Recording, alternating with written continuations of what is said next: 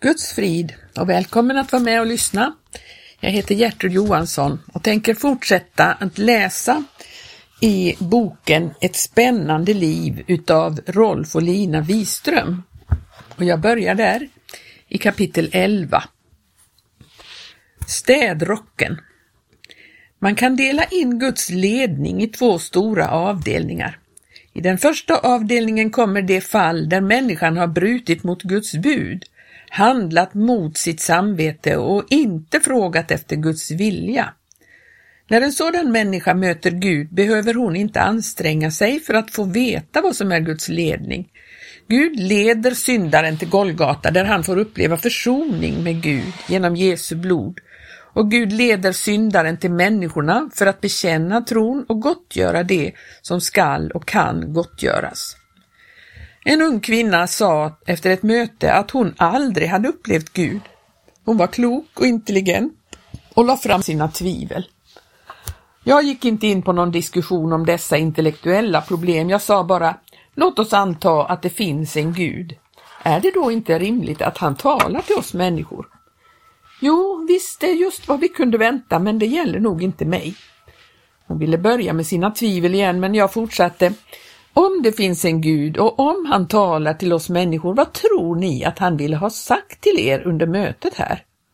Hon betänkte sig inte ett ögonblick på svaret och med ett litet nästan ursäktande leende sa hon Det är klart att han vill ha sagt att jag skulle gå fram och böja mig. Jag kunde inte låta bli att skratta och hon skrattade med. Så enkelt var det med Guds ledning. Det var inte hennes tvivel som hindrade henne att uppleva Gud, det var hennes högmod och ovilja att lyda. En man som hade varit frälst i många år var mycket bunden och försagd. Han vågade aldrig stiga upp i ett möte och tacka Gud för frälsningen. Jag undrade om det kunde vara något i hans liv som band honom. Han hade mycket svårt för att komma fram med det och han grät när han berättade det, detta. När han blev frälst manade Gud honom att gå till disponenten och bekänna att han hade stulit virke på arbetsplatsen. Han gick, men när han stod utanför dörren så svek modet honom. Han vände och gick ner för trappan igen, skamsen och förtvivlad. Maningen att göra upp denna sak var så stark att han flera gånger senare kom så långt som till disponentens dörr, men där blev han stående och förmådde sig inte att gå in. Åren gick och han satt tyst och bunden i mötena. Inte vågade han heller öppna sig för någon och be om hjälp i bönen för att få kraft till att göra Guds vilja. Men när han nu gjorde det och vi hade bett tillsammans så fick han den kraft han behövde. Följande dag stod han åter utanför den stängda dörren, men denna gång knackade han på och kom in. Hans bekännelse fick en annan verkan än han hade tänkt. Disponenten fick tårar i ögonen och vände sig bort. Han undrade hur mycket det stulna kunde vara värt. Och mannen uppgav att det rörde sig om 20-30 kronor. Det var ingen stor summa som hade gjort den mannen tyst i så många år. Den skulden fick han helt enkelt inte betala. Disponenten tryckte att vore som ni så skulle det se annorlunda ut i vårt land. I det följande mötet stod denne man upp och vittnade om hur underbart det var att lyda Gud. Det var också underbart att se honom och höra honom tacka för frälsningen. Guds ledning i sådana fall kommer så naturligt till oss utan att vi söker den. Det är gärningar som ligger beredda för oss på vägen. När man lyder Guds maning och handlar efter den blir man själv fri och glad och utan att tänka på det blir man ett levande överbevisande vittnesbörd om Gud. En förmiddag när jag satt i en buss i Finland så steg en ung man på jag kände honom sedan förra kvällen då han vittnade om Jesus i ett möte. Hans vittnesbörd gjorde ett starkt intryck på mig. Det var buret av en brinnande kärlek till Jesus. Han lyste av glädje när han kom in i bussen. Han berättade att han nu hade varit på besök i sin hembygd för första gången sedan han blivit frälst. Han pekade på en bondgård som vi just åkte förbi och sa att han hade varit inne där och vittnat om sin frälsning. När han återsåg gården blev han påmind om att han som pojke hade stulit spik där. Han kände Guds maning att gå in och bekänna det och be om att få betala det stulna. Därmed fick han tillfälle att vittna för dem. Hans ärlighet hade öppnat deras hjärtan och de hade blivit mycket gripna av hans vittnesbörd. I detta fall var det inte en synd som hade pinat hans samvete. Han hade knappast kommit ihåg spikarna om han inte hade återsett gården, men Gud använde detta till att få honom att vittna om frälsningen. Detta exempel ligger på gränsen till den andra avdelningen av Guds ledning, alla de fall då människor frågar Gud om det är något de kan göra för honom. Det är alla dessa människor som ställer sig till Guds förfogande, ber om att bli använda och frågar Gud var dag, ja var stund på dagen, vad det är han vill att de ska göra. Det är människor som på ett eller annat sätt förvaltar sitt pund väl. Det är den sorts ledning som bygger upp Guds verk och för det vidare. Man kan kalla det konstruktiv ledning. När en människa har allting klart både med Gud och människor, då ska hon inte sätta sig med armarna i kors och vänta på att livet på jorden ska sluta så att hon kan få komma till himmelen. Om hon menar att Guds plan med hennes liv bara gäller hennes frälsning så kommer hon snart att bli tom och torr. Gud har kallat oss till sina medarbetare. Gud har arbete för oss, för varenda en av oss. Om någon säger att han inte har fått någon uppgift så tar han fel. Antingen har han inte på allvar frågat Gud om den saken eller har han inte lust att göra just det Gud vill. Gud har ingen användning för mig på den här konferensen, sa jag bittert till mig själv då jag för många år sedan i början av mitt kristna liv var på min första stora konferens. Jag hade tänkt att jag skulle bli ombedd att leda ett möte eller få en liknande stor och ärofull och synlig uppgift. Det enda man bad mig om var att ta reda på när några av deltagarna skulle resa, ett jobb för en springpojke. Jag reser hem, tänkte jag. Gud har ingen uppgift för mig här. Men Gud visade mig om natten i en dröm att jag hade lust att vara något och spela en roll. Så jag vaknade med förfäran och fick se min synd. Sen gick jag snällt och tog reda på när dessa deltagare skulle resa. Någon annan uppgift fick jag inte på den stora konferensen, men den räckte. Jag har tackat Gud för den allt sedan dess. Det finns säkert många människor som inte har kommit in i Guds vilja med sina liv därför att de inte har velat göra det lilla Gud visade dem till att börja med. Det är högmod och högmod går före fall. Men det finns andra människor som känner sig så hjälplösa och obetydliga att de inte tror att Gud kan använda dem. Kort efter att Lina hade fått det tecken hon hade bett Gud om så kom en sån kvinna på ett möte. Det var en mycket from och god kvinna som hade levt för men hon var förfärligt bunden av andliga mindervärdeskänslor som hindrade henne att göra något för Gud. Hon blev löst och upplevde att Gud började tala till henne det var Guds kärlek som löste henne och Guds kärlek var det som drev henne att gå till olika personer, tala med dem och hjälpa dem. För denna blyga varelse var det ett under att hon vågade gå i tro och när hon upplevde att hon gick rätt in i förutberedda gärningar kände hennes lycka i sig. Hon hade varit som en torr gren, men nu strömmade Guds kärleks livskraft igenom henne. Min kristendom har börjat fungera, sa hon jublande. Gud talar till mig och leder mig. Jag går och det sker något. Jag får hjälpa människor i nöd. Tänk att Gud kunde använda mig. En dag stod hon i en affär för att köpa ett klänningstyg åt sig själv. Medan hon stod och höll i ett tyg i händerna sa Guds ande till henne Detta ska du köpa till städrock åt Lina Wiström. Jag hörde det så tydligt att jag nästan trodde att någon hade sagt det högt, sa hon. Hon hade inte haft en tanke på något sånt när hon gick till affären. Hon hade inte en aning om att denna Lina som hon inte kände så mycket till några dagar tidigare hade legat på sina knän och bett till Gud om en städrock. Kvinnan i affären köpte tyget. Hon gick hem lite bävande. En sån ledning hade hon ännu inte upplevt och hon undrade om det verkligen kunde vara rätt. Är detta från dig Gud, sa hon, så får du ge mig måtten också. Hon klippte och sydde städrocken efter de mått hon fick och det kan man verkligen kalla gudomliga mått. Hon kom med sin gåva på sitt fina försynta sätt. Det var som om hon bad om ursäkt för att hon var så påträngande. Städrocken passade precis. Det var en gripande syn att se dessa systrar krama om varandra. Gud, Lina hade fått sitt bönesvar och den andra hade fått ett förkrossande bevis på Guds ledning. Tänk att Gud sände mig, sa hon med tårar i ögonen. Jag som är den ringaste av alla, jag som ingenting är. Nästa dag kom det ett paket med posten. Det var från en okänd person i en annan stad. Vi öppnade det nyfikna. Det var en städrock. Lina såg förbryllad ut där hon stod med den andra städrocken i handen. Vad betyder det här, sa hon. Jag bad ju bara om en städrock. Gud såg väl att du behövde två, sa jag. Du måste ju ha något att byta den. Det låg ett litet brev i paketet och en liten sedel. Den okända kvinnan skrev att hon plötsligt hade fått en maning att sända en städrock till Lina. Efter den första överraskningen började vi skratta. Jag hade en stark känsla av att det var någon som hade det roligt i himlen också. Det är då inget tvivel om att Gud har sinne för humor. Kapitel 12 Hembiträdet och fröken Gud leder alltid människor till gemenskap. Det ingår i Guds plan att människor som tror ska ha gemenskap med varandra. En verklig djup gemenskap får man inte utan att bedja tillsammans. Det är gott att samtala och öppna sig för varandra, men när man beder tillsammans så öppnar man sig dessutom för Gud. Då upplever man den gemenskap som man inte kan prata sig till, men som man måste bedja sig in i.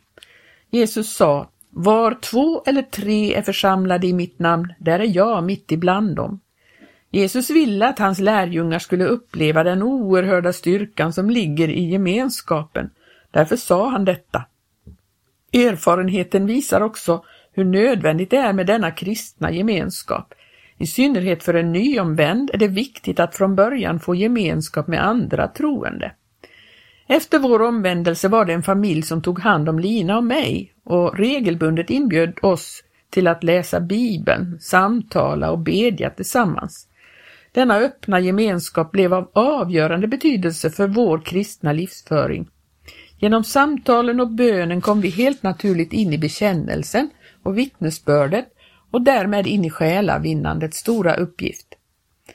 Då Lina berättade för någon om hur vi beder med varandra och tillsammans med våra barn svarade denne, jag förstår att det är en stor tillgång att kunna göra det. Men vi människor är så olika. Jag har inte en sån natur att jag skulle kunna bedja med någon. Jag kan bara bedja för mig själv. Vi har nog alla känt att vi har något av denna samma natur, därför är det en självövervinnelse att öppna sig och bedja med en annan. Man brukar kalla det för andlig blyghet och det är mycket sant i det. Ens innersta förhållande till Gud är så heligt att man inte har lust att utlämna det åt andra. Men orsaken kan också vara feghet och människofruktan. Något så fint och dyrbart som den kristna gemenskapen får man inte utan att ge något. Erfarenheten visar att människor som betalar detta pris blir lösta och glada och fria kristna. De blir aktiva och finner sin plats i Guds plan. Efter ett väckelsemöte hade många med längtande människor samlats i en liten sal till samtal och förbön. En äldre kvinna som jag samtalade med sa att hon var så bunden i sitt hem att hon inte kunde bedja tillsammans med sin dotter. De var bägge frälsta och tillhörde samma församling men de hade ingen bönegemenskap. Hon bad om förbön och vi bad tillsammans. Längre bort i salen var det en ung kvinna som ville tala med mig. Hon var så bunden hemma att hon inte kunde bedja tillsammans med sin mamma, sa hon. Hon bad om förbön för att bli löst. Då fick jag den tanken att de kanske var mor och dotter. Det var så fullt av folk i salen att de inte hade sett varandra. Jag tog den unga kvinnan med mig till den plats där den gamla låg på knä. I trängseln såg den unga kvinnan inte vem det var, hon böjde sig bredvid. Hon hann aldrig börja bedja om mod förrän modern slog armarna om sin dotter. Det var en gripande syn att se hur muren mellan dessa försvann under glädjetårar. Själafienden är kolossalt angelägen om att bygga murar mellan människor. Det är hans specialitet. Murarna stänger för Guds ande. De hindrar kärleken att strömma från hjärta till hjärta. De gör människorna isolerade, bundna och ensamma. Men i Guds rike finns det inga murar. Här är icke jude eller grek, här är icke träl eller fri, här är icke man och kvinna. Alla är ni ett i Kristus, skrev Paulus till galaterna. Själafienden bygger murar, men Gud bryter ner dem. När Guds ande får verka försvinner både rasmurar och sociala murar och till och med muren mellan de två könen. Under en del år har jag haft tillfälle att se hur den sociala muren bröts ner mellan ett hembiträde och hennes herrskapsdotter och hur dessa två kom in i en sällsynt både andlig och praktisk gemenskap. Första gången jag mötte denna fröken var hon mycket inbunden, rädd och ur stånd att komma ut ur sin andliga isolering. Hon besökte gudstjänsterna i statskyrkan men hon hade inte gemenskap med någon. Då hon efter vårt samtal knäppte sina händer och darrande bad till Gud upplevde hon en revolution i sitt liv. Genom gemenskapen i bönen med en annan fick hon en ny och levande gemenskap med Gud. Nästa förmiddag sa hon, jag tror verkligen att Gud har talat till mig i morse. Tänk, jag har fått erfara hans ledning. Hon såg strålande glad och förvånad ut. Hon hade på morgonen när hon bad fått en tydlig maning att bjuda sina föräldrars hembiträde hem till sig på kaffe och be henne om förlåtelse för sin överlägsenhet mot henne. Familjen får väl en chock när de får höra att jag har bjudit vårt hembiträde till mig på kaffe, sa hon och skakade skrattande på huvudet, men det kan inte hjälpas. Jag känner att det är Guds vilja. Det var ingen tvivel om att Gud hade talat till henne och att hon nu började komma under Guds ledning med sitt liv. Hennes mamma hade legat sjuk i kronisk ledgångsreumatism i många år. Hon måste skötas som ett barn både dag och natt. Dottern hade fått ett arbete som gjorde att hon måste flytta hemifrån, vilket hon alls inte var ledsen för. Tvärtom var hon glad att slippa undan plikten att hjälpa till att sköta den sjuka modern. Hon tyckte också att hon kunde flytta med gott samvete då familjen hade ett så utmärkt hembiträde som man inte ofta möter i livet. Detta hembiträde kom från mycket enkla förhållanden ute på landet. Hon var arbetsam, plikttrogen och gud, gudfruktig. Hon tillhörde en kristen riktnings pingstvänner. Fröken kände inte alls till denna riktning, hon hade bara hört att det var oroligt på deras möten och att det talades i tungor.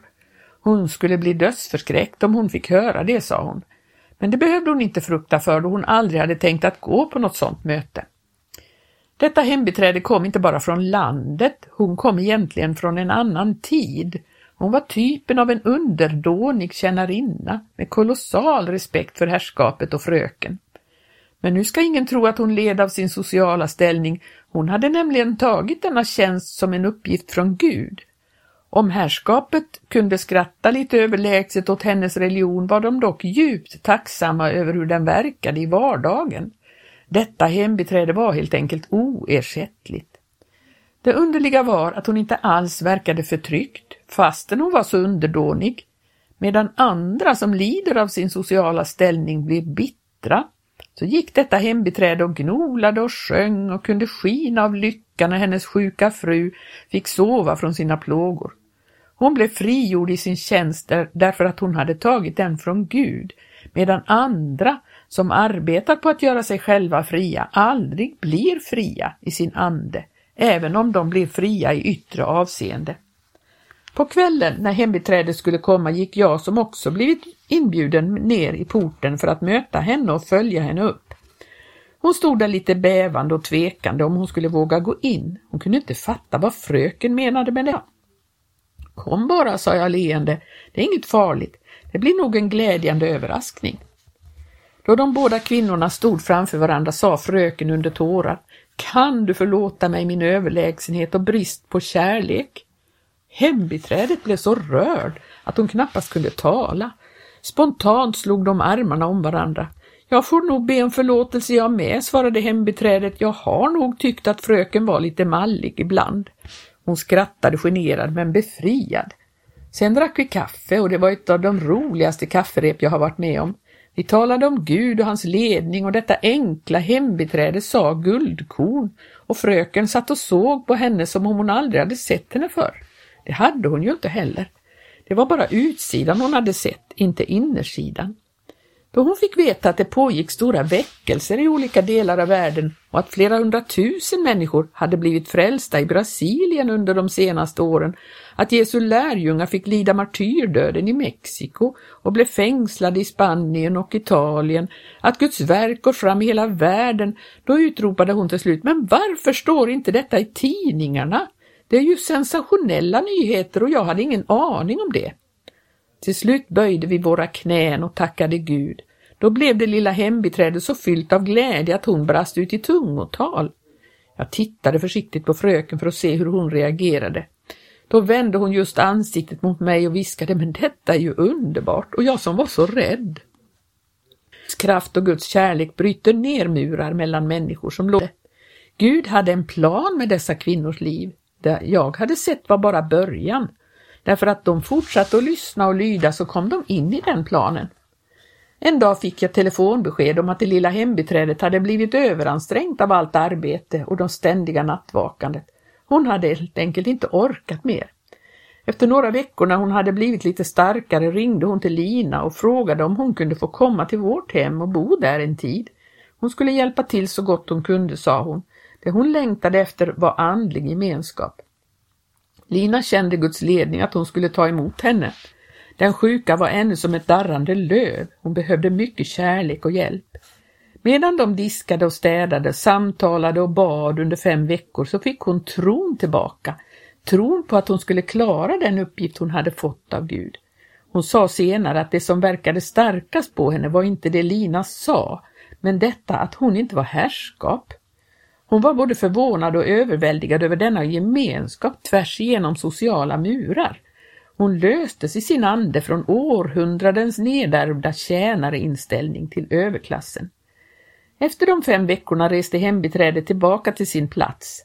Herrskapet var nog lite undrande om hon skulle orka med, men själv trodde hon att det skulle gå med Guds hjälp. Det var för övrigt omöjligt att få någon annan som kunde och ville åta sig denna tjänst. Så började hon åter sköta sin lilla fru som hon alltid bar eh, för i sina böner. En gång i veckan kom hon till Lina för att få styrka i bönen och gemenskapen och Gud hjälpte denna ringaste och svagaste av alla att hålla ut. Emellertid arbetade Gud vidare på fröken. Hon såg mer och mer tydligt hur Guds finger pekade på vägen som ledde tillbaka till hennes föräldrahem. Det var inte nog med att be hembiträdet om förlåtelse. Gud ville att hon skulle ta sitt ansvar för den sjuka modern och dela hembiträdets liv.